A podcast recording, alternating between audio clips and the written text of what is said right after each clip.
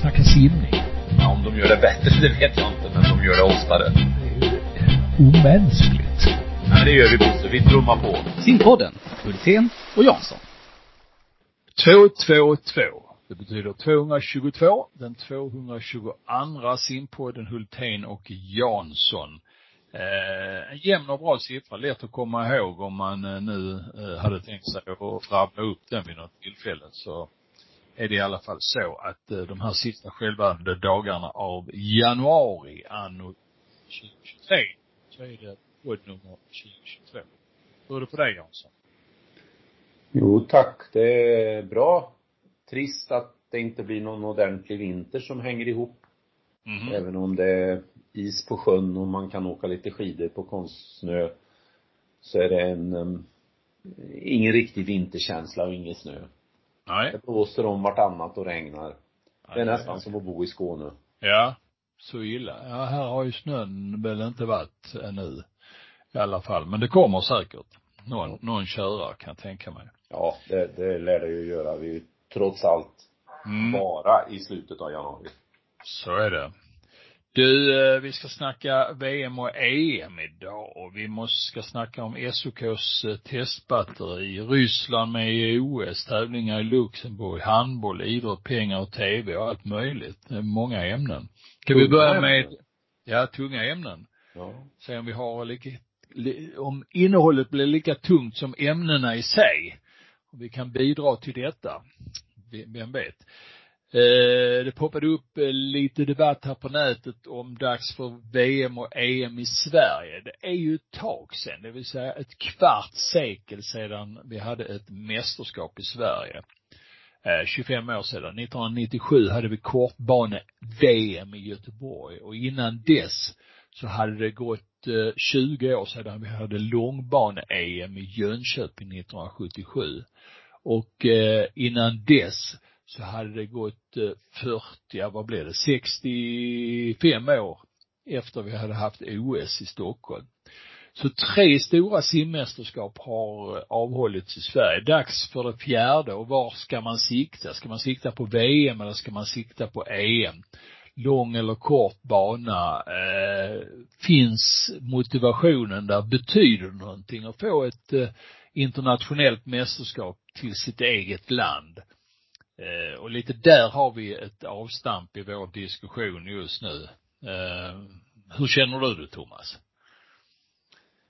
Men jag, jag tänker så här att idrottsmännen som vi har på toppnivå, de strävar ju efter att eh, liksom bli bäst.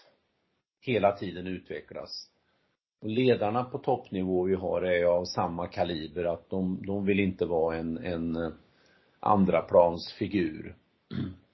Jag hoppas ju att våra ledare som liksom styr skutan har samma höga ambition i botten.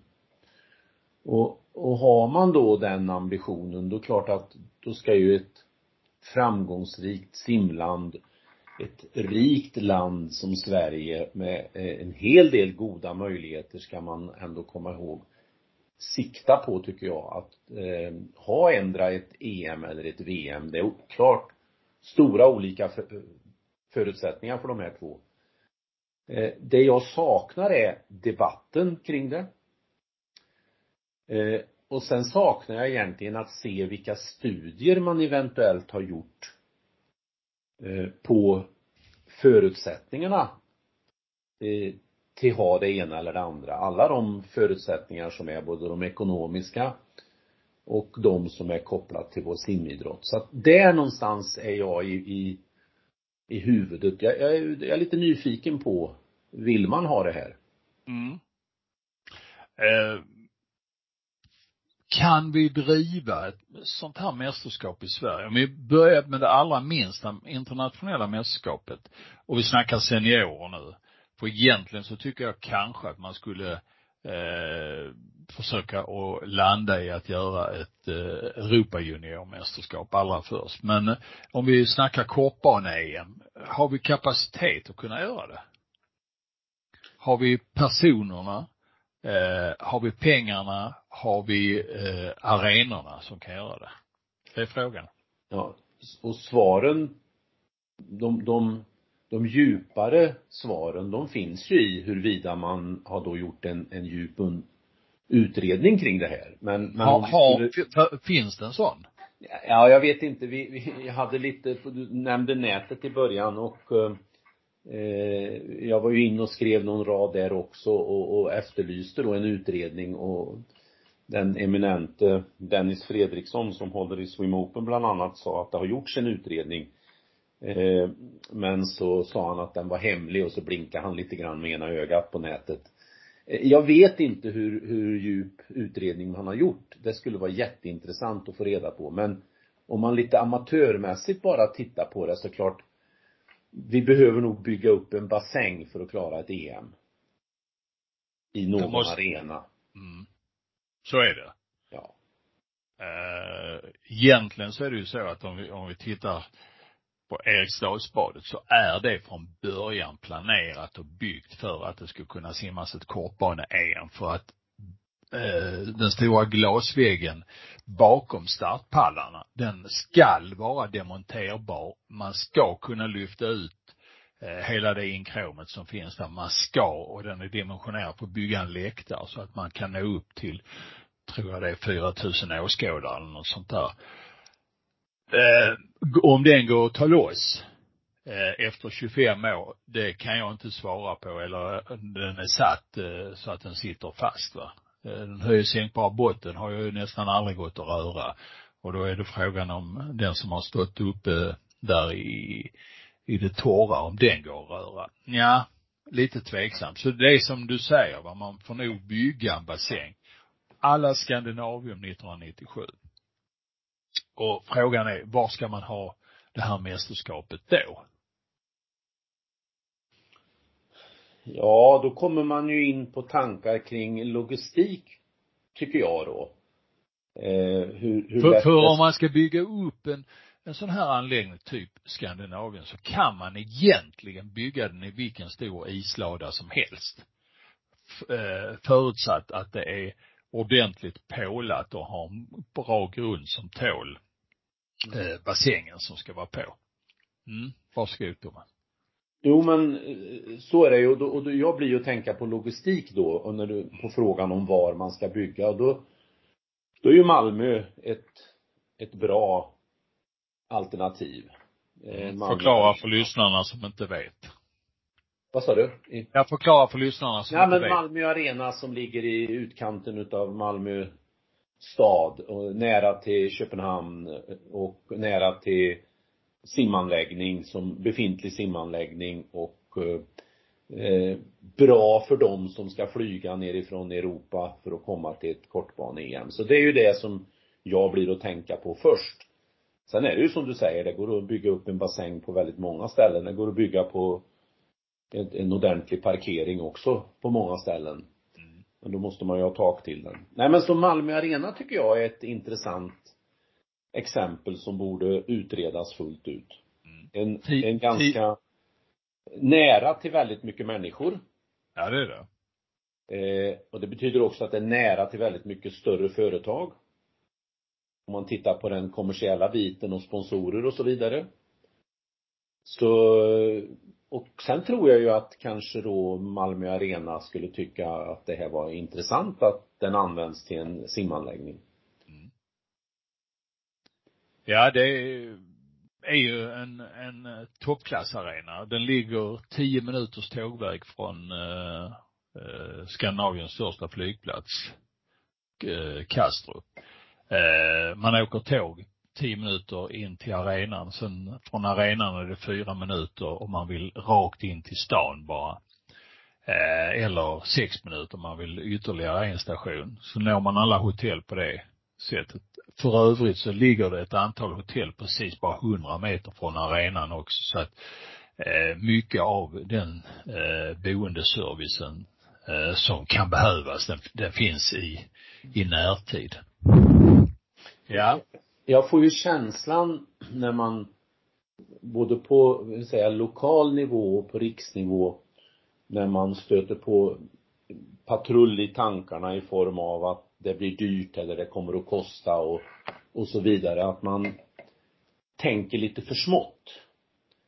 eh, som jag inledningsvis sa, jag skulle ju önska att de som är ledare och så tänker stort och tänker att, ja okej, okay, det, det, det kostar så här mycket pengar. Ja men då får vi lösa det. Mm. Mm. Då får vi starta ett arbete för att dra in de pengarna för att det är så viktigt i sak att genomföra ett arrangemang. Ja, det är frågan om man är intresserad, om man orkar, om man har kompetensen att göra det i, i Sverige så att säga. Eh, helt klart är att när man arrangerar egna eh, hemmamästerskap, det vill säga VM, EM och så vidare på hemmaplan, då genererar det eh, i nästan alla fulla fall väldigt mycket eh, ut tillbaka till den egna idrotten. Vi märkte det 97 va, vi märker det av annan idrott som eh, gör den här typen av arrangemang. Speciellt om det sker lite mer sällan så att det blir en, en satsning runt omkring. Mm. Och jag tycker det brådskar lite grann för att inte vi ska liksom helt eh, försvinna från, från eh, marknaden när det gäller stora mästerskap hemma. Jag är inte säker på att vägen ska gå via ett EJM-arrangemang först för det kommer att ta väldigt mycket kraft det också men det genererar inte på samma sätt ett mediaintresse. Nej, definitivt eh, inte. Nej, så att eh, eh, och sen inser jag ju att man börjar kanske inte med ett VM den här gången. Även Nej. om för det, har, det, det är betydligt större ett kortbane-VM idag än det var 1997. Så att jag, jag, jag är nyfiken på utredningen. Det får bli en passning till de styrande. Ja. ja. Du, eh, i media här har vi också sett att SOK, Sveriges Olympiska Kommitté, de har kritiserats för eh, de tester, fysiska tester som de gör på idrottsmännen. Eh, och det har kommit in en del tunga aktörer som är inne och tycker att, eh, utländska sådana, som är inne och, och tycker att, ja men det där är väl riktigt 1800-talsmässigt, det sättet som ni testar era idrottsmän och att alla idrottsmän allt eh, genomgår samma tester. Eh, du har tittat lite närmare på det Thomas och har väl åsikter i frågan kan jag tänka mig. Ja, det, det har jag ju lite olika ingångar. Den ena ingången är ju den här känslan som för ofta dyker upp när det gäller SOK, deras kontrollbehov. Mm. Eh, allt ifrån att stämma av statusen på en idrottsman i tävlingsformat för att de ska få vara med, inte våga lämna över mer till specialförbunden när det gäller uttagningar till de olympiska spelen etc. Det finns hela tiden den där misstänksamheten av att inte ledare och tränare eh, gör tillräckligt mycket om de inte är kontrollerade. Mm, mm. Så det är den ena ingången, den gillar jag inte. Och i, i det här specifika fallet då det här standardtesterna som de, ja, jag tror Reinebo använder eh, uttrycket att man kollar deras grundfysik. Ja. Nästan ordagrant så han sa. Den är ju så eh, enkelt standardiserad så att det är väldigt många idrotter där man då kan plocka bort ett antal moment som varför ska jag lägga fokus på det där? Och hur det nu än är så har man ju respekt för SOK så, så länge de här testerna finns så är det både ledare och tränare som går hem och eh, pushar för att man ska öva. Eh, på de här grejerna för att uppfylla eh, normen och visa att man håller lite högre standardfysik än förra gången. Och då kanske man skjuter lite över målet och det är väl där de här eh, professorerna i fysiologi och lite så har kommit in i matchen och, och tyckt att eh, det där är lite väl gammalmodigt. Mm. Ja, det är klart att man, man har den känslan att de vill ha koll på det hela. Men ska de inte ha rätt att ha koll på de idrottsmän som de eh, avlönar lite och som eh, man satsar på? Där hela organisationen är uppbyggd eh, runt. Eh, för det är ju för idrottsmännens skull förhoppningsvis som SOK finns, inte för någon annans. Jo men det är klart att de, de har rätt till att ha insyn i idrottsmännens eh, upplägg och, och vardag, absolut. Men när det går över till att bli liksom kontroll för kontrollens del och när det blir då som i det här fallet kanske fysövningar som definitivt ett antal idrotter inte behöver ägna sig åt då blir det lite fel va. Mm. Och, och att då inte i det läget backa lite och säga ja okej okay, vi kanske, det är dags att se över det här utan istället så blir det lite att man går in och försvarar på det man gör. Så att, men, um, men tror du inte det här kommer att innebära att man tittar över sina rutiner lite? Eller så konservativa kan väl inte SOK vara så att de eh, det här rinner av, den här kritiken rinner av dem som eh, vatten på en gås. Nej. Jo, jo men det är många gubbar där vet du. Ja, det är Många gubbar som dig och mig. Så ja. det är klart att de är Finns det inga kloka kvinnor som jobbar på SOK eller? Inte tillräckligt många kanske. Nej. Jo, men vi får väl hoppas det då. Jag, jag, det var ju bra tycker jag att de här har reagerat. Eh, för det här testerna har väl, tror jag, varit i en 20-tal år. Mm. Så att eh, vi får hoppas det Bosse, att det blir en eh, en översyn och lite modernare tänk i frågan. Mm. SOK, eh, de eh, ansvarar för våra idrottsmän så finns det ju en högre nivå också. Det är ju de olympiska spelen dit alla de här människorna som jobbar i SOK strävar. Och nu går det en diskussion om Ryssland och även Vitryssland då, eller Belarus ska vara med på de olympiska spelen eh, megafonen i eh, vinteridrotten, det vill säga Sebastian Samuelsson som eh, kanske har lagt lite för mycket energi på att tycka och tränat lite för lite, jag vet inte. Resultaten är inte där i alla fall. Han dissar det här med att Ryssland ska vara med på OS. Och Pernilla Wiberg, eh, som är mer balanserad oftast, eh, hon tycker att de ska vara med, men du tycker att hon har kanske inte riktigt rätt i sin argumentation, Thomas. Eh, vad tycker du? Ska, ska Ryssland vara med? Ja, jag tycker att alla former av kollektiv bestraffning är av ondo.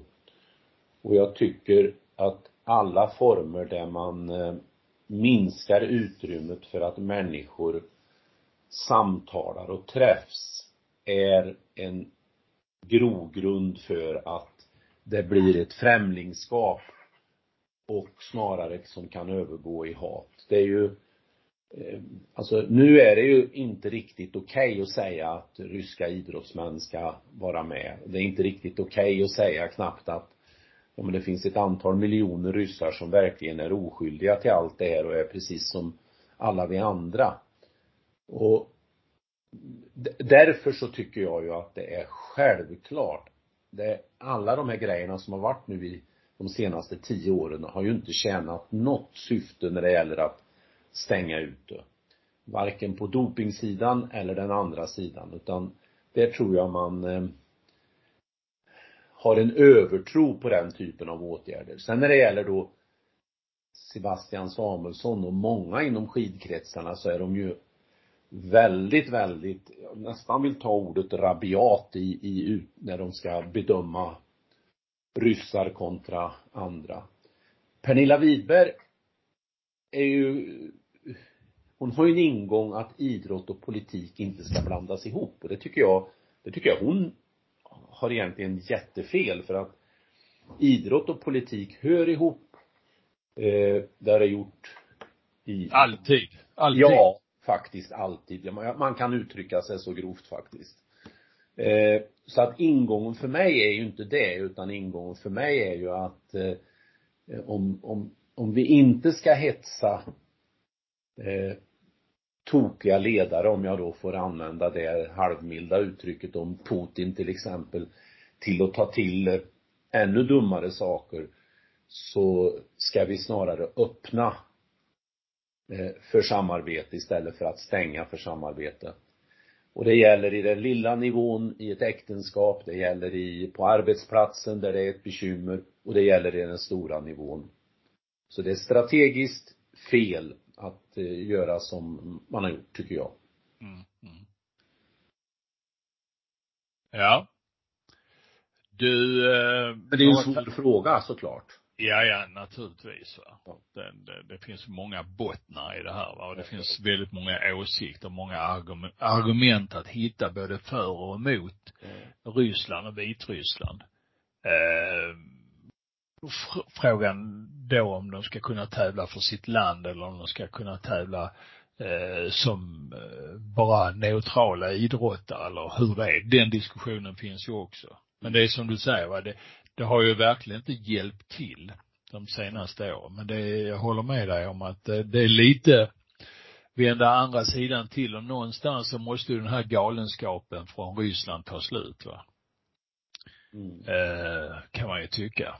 Jag har, jag har inte formulerat min, min, min, eh, tanke och min ståndpunkt riktigt ännu så jag vill inte argumentera med det men eh, mm. jag lär komma fram till detta. Ja. Någon gång. Det finns så mycket galenskap. Jag såg en galenskaps eh, eh, grej igår tänkte jag säga. Det var sista dagen på en stor utställning som har varit i Malmö ett halvår om Auschwitz. Mm. Eh, inte för länge sedan och väldigt nära var, var temat. Och det är det ju. Det ligger ju några stenkast härifrån. Och eh, det känns ju som att det var väldigt, väldigt långt borta i tanken för något år sedan. Nu när man har sett Ukraina eh, så påminns man ju om att galenskapen den finns fortfarande och den finns väldigt nära oss och vi måste eh, ta höjd för den galenskapen. Människan har inte blivit mycket bättre än sist. Men jag vill, vill säga att jag, det var eh, eh intressant att se utställningen. Mm. Eh, verkligen. Det var fullsmockat igår eh, på den här utställningen och den, den, den är rejäl. Den fortsätter mm. runt världen nu.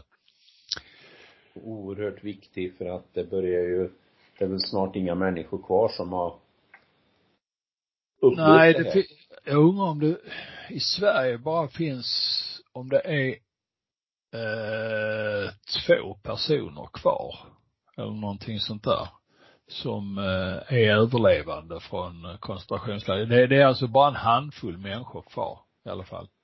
Men vi, vi människor har ju en, en ehm, och med betoning på vi, en, eh, en tendens att klumpa ihop våra tankar och åsikter och bedömningar av, förlåt, människogrupper.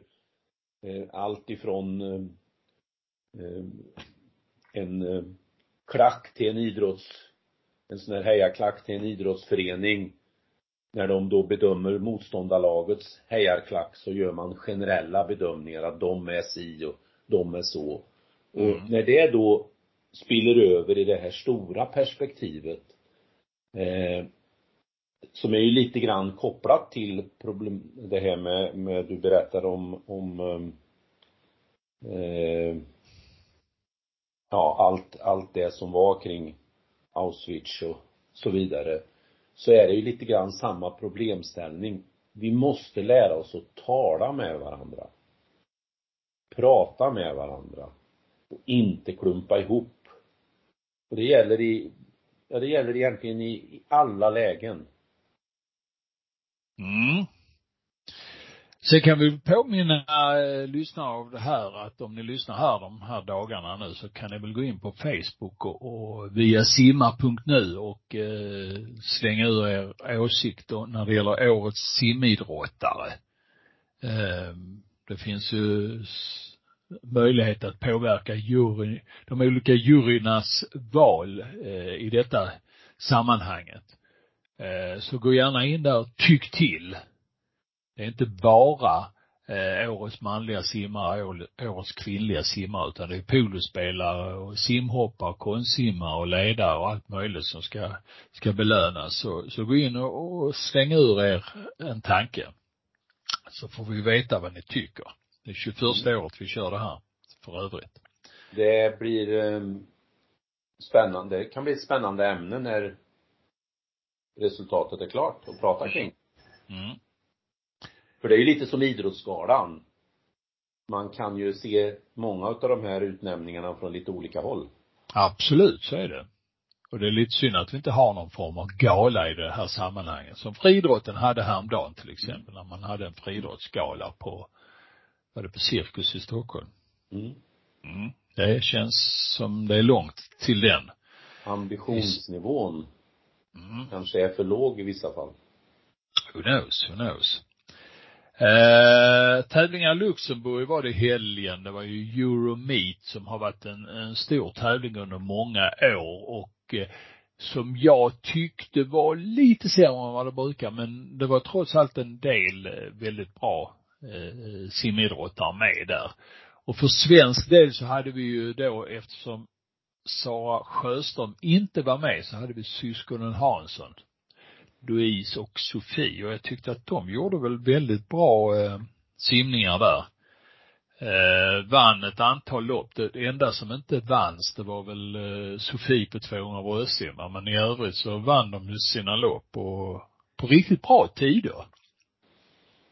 Ja, om vi tar Louise rada så simmar ju 100 rygg på 1.00.48. 100 fjäril 57.25. 100 frisim 55.13 och sen 50 fjäril 26.08. Och det är ju ganska, i en träningsfas, ganska så nära sina personliga rekord. En, en, runt en sekund plus minus någon tiondel. Och det är ju den nivån som jag tycker man ska ligga på när man är, åker iväg och tävlar och så. Så det gjorde de ju väldigt, väldigt bra. Mm. Eh, och det är samma gäller ju Sofia som hade 1.06.95 på 100. Eh, dryga sekunden över sitt personliga 30.69 på 50 och 2.26.82. Eh, också på, på hög eh, nivå. Och det är ju, det känns bra. Mm. Och eh, Sofies bägge lopp, de var tävlingsrekord och dessutom slog hon till exempel den här duktiga italienskan Carraro. Ja. På 100 bröstsim det är inte fy skam. Sen, sen håller jag med dig om att det kanske inte var, alltså det är en ganska mastodontig tävling det där med upplägget. Mm. Mm. Eh, och, och det kanske lite grann påverkar också nivån men, men känslan var ändå att det var inte den, den, eh, den bästa tävlingen som har varit genom åren. Nej, nej. Eh, stort mästerskap för en svensk idrott har det ju varit i handboll. Handboll där vi igår fick se finalspelet där Danmark slår Frankrike i eh, finalen och eh, där eh, Spanien slår Sverige i match om eh, tredjepris. En besvikelse för svensk del naturligtvis va. Man hade förväntat sig eh, eh, mer och väldigt mycket fokuseras väl på skadan på Jim Gottfridsson nu, att Sverige inte nådde ända fram. Och så försöker man föra en diskussion varför han inte fick sitta på bänken och och eh, nu börjar man trycka på eh, Glenn Solberg som har haft en alldeles utmärkt rad i resultat, förbundskaptenen. Och nu är han eh, lite boven i dramat här på olika sätt. Ehm, så gjorde man ju så att Eh, för att förklara för er som inte har hängt med riktigt att man spelar halva turneringen i Polen, halva i Sverige när det gäller gruppspelet och så mellanrunda körde man på två ställen, eh, Polen och Sverige och sen finalspelet uppe i Stockholm där man spelade i Tele2 Arena. Och jag vet inte om det blev så lyckat, jag kan inte riktigt uttala mig om det rent eh, spelmässigt i Tele2 Arena. Man var ju, det var väldigt tajt och bra eh, organiserat både i Malmö och Göteborg och med fullsatta hallar. Jag tror inte man riktigt nådde fram i, på Tele2 Arena. Men eh, man fick ju eh, mycket publik och tjänade väl kanske mycket pengar, jag vet inte. Mm. Har du tittat på handboll? Ja, det har jag gjort. Eh, och handboll är den utav de här idrotterna som, som visas som jag tittar helst på. Eh, hellre än fotboll och hellre än, definitivt hellre än, än ishockey. Det kan, det, det kan jag, vill jag helst slippa. Men alltså man kan ju konstatera då, Danmark som vinner tre VM i rad. De är först med att ha gjort den prestationen. Eh, och så var de olympiska mästare 2016 tror jag. Eller 2012.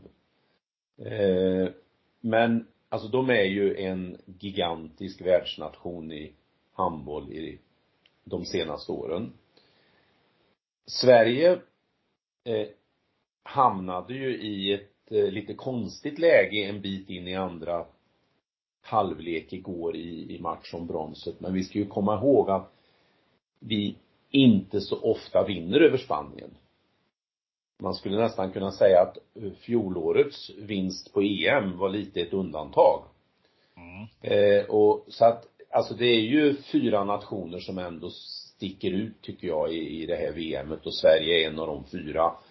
Eh, jag tycker det var ganska bra. Debatten om Gottfridsson och att vara på bänken. Jag tycker han gjorde helt rätt att han inte tog in honom där. För det är bara att tänka tanken att han hade gjort det och sen hade det uppstått några skador. Och så hade han inte haft någon spelare att tillgå.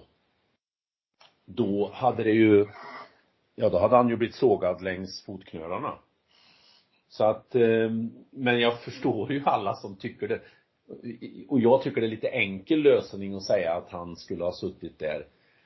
Nej, nej den debatten tycker jag hamnade lite snett. Men sen å andra sidan så följer jag ju inte handboll på det sättet som du gör Bosse så att jag är nyfiken på vad du tycker.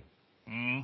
Ja, alltså egentligen så är det svårt att ha någon åsikt eh, riktigt. Jag tycker väl att eh, precis som du va, att eh, man ska ha antal, maximalt antal spelare och eh, jag tyckte nog Sverige landade ungefär, jag, jag tror man tappade lite energi när man tappade Gottfridsson. Man, jag tror inte man ta, tappar så mycket kompetens, men man tappar energi för man har lutat sig väldigt mycket mot honom då som världens bästa spelare och han betyder en hel del. Jag, men jag tror att ledarskapet inte följdes upp av någon annan. Det kan vara så.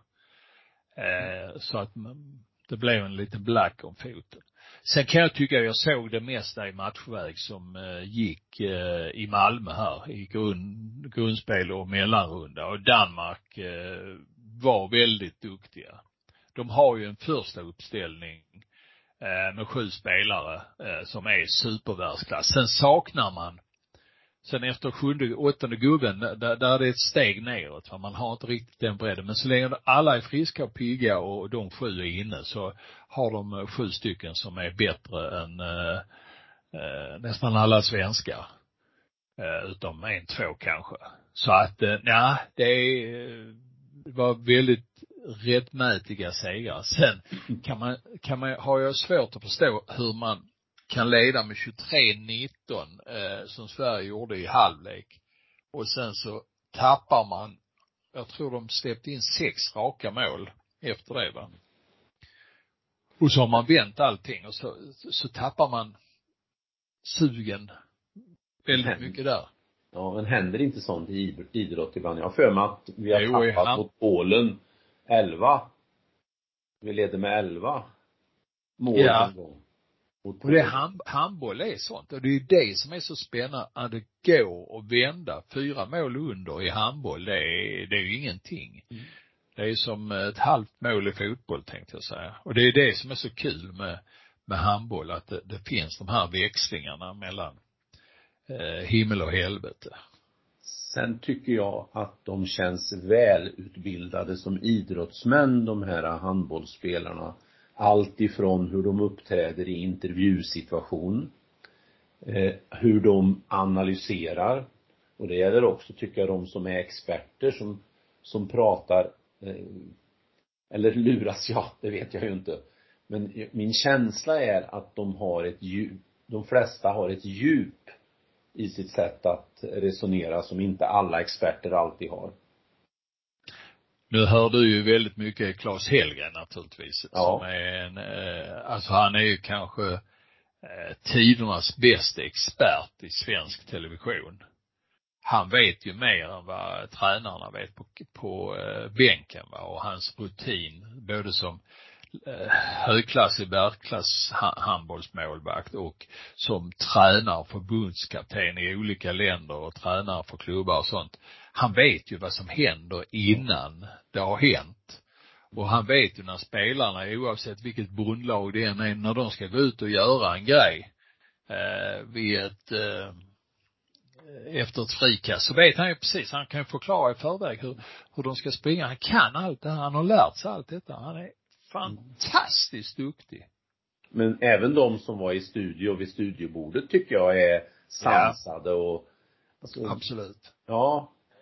Jag... Sen eh, håller jag helt med dig. Alltså handbollsspelare, jämför dem med fotbollsspelare så är det, det är ju, det är skillnad i klass eh, på sättet att, att eh, jobba med sin idrott. Det är ju stor, stor skillnad. Här finns ju en ödmjukhet och en förståelse för att man måste bjuda på någonting va. Det känns eh. som det är en intellektuell skillnad till och med. Ja, det vill jag inte säga, men så är det. ja, det kan man inte komma ifrån utan att, att det är stor skillnad. Ja. Absolut. Mm. Idrott och pengar, ja det är ju någonting som genomsyrar allt det vi har haft och att tv behövs. Det är väl ännu tydligare nu när vi har sett ett eh, handbolls-VM där man har haft väldigt höga tittarsiffror ska sägas. Eh, extremt höga tittarsiffror i, i en tv-värld som är differentierad och diversifierad som den är idag va. Eh, där det finns väldigt mycket att titta på, så har de ändå visat eh, på att eh, TV6 att det går att hålla uppe TV, eh, alltså tittarsiffrorna riktigt rejält. Och det har varit, eh, det är bra av dem. Så visst, jo det behövs och vi tittar ju på det här med sponsorpengar som vi gör en gång om året till de olika idrotterna. Och där ser vi ju inte minst skillnaden mellan det vi har tjatat om i hundra år som börjar gå in hos folk nu. Det är rätt kul att höra att även folk som eh, eh jag inte umgås med i vardagslag förstår att eh, Eh, det finns vissa idrotter som gynnas, övergynnas av till exempel svensk televisions eh, sätt att sända när det gäller sponsorintäkter. Eh, så att det börjar att komma ut en förståelse runt detta. Men sen är det ju så att tv behövs och frågan är om det är vi, vår farmor som vi snackar om, eller gamla mormor eller vad det är man ska snacka sig varm om, eh, simningen, eh, riktigt har den rätta förmågan att nå ut och nå de här pengarna som vi behöver. Har vi rätt eh, strategi när det gäller att, eh, marknadsföra simningen. Ehm, vi har ju alltid använt till exempel eh, skidorna eh, som någon form av motpol som överserveras eh, i tv och får väldigt mycket sponsorintäkter och även skidskyttarna eh, har ju alldeles för mycket pengar eh, i förhållande till vad, vad de presterar kan tyckas. Eh, vad tycker vi idag om detta Jönsson? Ja men eh, hade vi haft rätt strategi så hade ju vår fina världsidrott synts mer i media. Mm. Det, det, det, så tror jag man kan summera det hela. Sen vilka ingångar och vägen till lösning, den, den är då lite mer tricky förstås. Men för att ta ett eh, lite nära exempel här om man nu tittar på till exempel skidornas, eh, inte bara då alla, alla timmar de här, den här idrotten exponeras utan också hur de får ogenerat ställa sig med stavfodral och stavar och alltså de har en 12, 13 eh, olika företag som exponeras i varje situation. Och sen läste jag senast eh, i, under helgen om att det var någon, någon utav galorna förra veckan, om det var P3 Guldgalan, där man, det var någon som hade en, en tröja med någon reklam på och då skulle det tejpas över. Och jag har själv varit med i situationer där man ska tejpa över och så vidare. Och då handlar det om en enstaka eh, reklamplats så att säga. Så att det, det, är ju, det är ju flera delar i det här. Dels tiden som den här överexponerade idrotten visas och hur de ogenerat eh, får visa upp sina sponsorer. Och dessutom kör ju SVT den här långlopps eh, cirkusen eh, på helgerna eh, där det under ett, två, tre timmar är några som, som står och, och, och sprätter med några stavar. Och då är man övertydlig med att tala om vilka team de tävlar för. Och det är ju då företagsnamn. Och när man intervjuar ledare från de teamen så är man också noga med att, att tala om vilket team de är för. Alltså en, en, en, en helt orimligt om man tänker sig att man i Aktuellt helt plötsligt skulle säga liksom SAS 23 gånger under sändningen. Det, det får ju inte förekomma. Då skulle man direkt liksom bli, eh, ja, få många på sig att man, man är, eh, vad ska vi säga, eh, inte objektiv. Ja. Så det, det, är, ett, det är flera delar i det här och, och det gör mig väldigt illa berörd faktiskt. Ja. Undrar vem som stoppar vilka pengar i fickan? Nej, så ska vi inte uttrycka oss. Men man undrar eh, vad som sker bakom kulisserna här. Det, det, det känns lite halvgrått, måste jag säga. Ja, du, eh, inte, inte enhetligt för idrotten. Nej, nej absolut inte. Sen, eh, alltså man märker ju nu att det finns ju idrotter som, där det gror väldigt mycket eh, av förmåga, till exempel volleybollen. Om vi nu tittar på förmågan att föra ut idrotten på ett sådant sätt så att man börjar få sponsorintäkter. Volleybollen är ju någonting som kan bli för svensk del väldigt bra här närmaste åren. Vi har eh, i beachvolley ett eh, par ett nytt ungt par som har revolutionerat idrotten mer eller mindre. Eh, som är på väg att bli riktigt stora och starka. Eh, vi har ett damvolleybolllag som innehåller bland annat världens bästa volleybollspelerska. Och frågan är, har volleybollförbundet förmågan att ta hand om detta och marknadsföra och paketera det här eh, på ett sådant sätt så att de kan tjäna pengar? För jag menar, är det någon idrott som är stor, det är väl så att volleybollen är väl topp fem bland idrotter i världen. Basket, eh, fotboll, vad är det mer som har så många, det beror på om man räknar antal utövare eller om man räknar antalet Ja, eh, precis, man måste ha eh, länder som deltar på OS ja, exakt. eller vad man ska säga det. Men alltså volleyboll är ju en jätteidrott. Det är en världsidrott. Ja. Och de borde ju eh, finnas med. Och tänk bara det att Isabelle Haak inte fick någon notering på eh, Idrottsgalan senast. Hur i helvete kan något sånt inträffa? Det är för mig helt obegripligt. Ja, det är ju då knappt 300 före detta eller nuvarande ledare, eh, idrottsaktiva som eh, tycker så här. Mm. Ja, det är helt bisarrt. Mm. Att det är på det sättet. Hon skulle definitivt varit med i eh, nomineringsfasen här och varit med på galan så att säga. Men så är det. Så är det ja. De har inte lätt volleybollen. Har stått, de har har gått lite av ett likadant spår som simningen gjort. Eh, inte kunnat nå fram i media, inte haft någon som har propagerat för dem eh, riktigt i media. Där har simningen haft det bättre. Man kan säga vad man vill av Staffan Lindeborg, men han har haft en förmåga och, och haft en position så att han har kunnat lyfta simningen eh, på redaktionsmöten i, i Stockholm så att den, den har varit med under många år. Va? Eh, men det är ett samspel mellan idrottsframgångar, de som marknadsförde eh, hos media Eh, och sen hur det tas emot ute på eh, på marknaden och hur förbundet marknadsför. Det är ett samspel här va. Ja. Och det har volleybollen och simning kanske inte riktigt haft den allra bästa förmågan att samspela i allt och men, men såg du Sportspegel igår? Eh, nej. Nej, okej. Okay. Bara, ja, jag såg. Jag gjorde inte det heller. Jag blev lite nyfiken på huruvida man då eh, hade med om Louise och Sofies eh, årsdebut.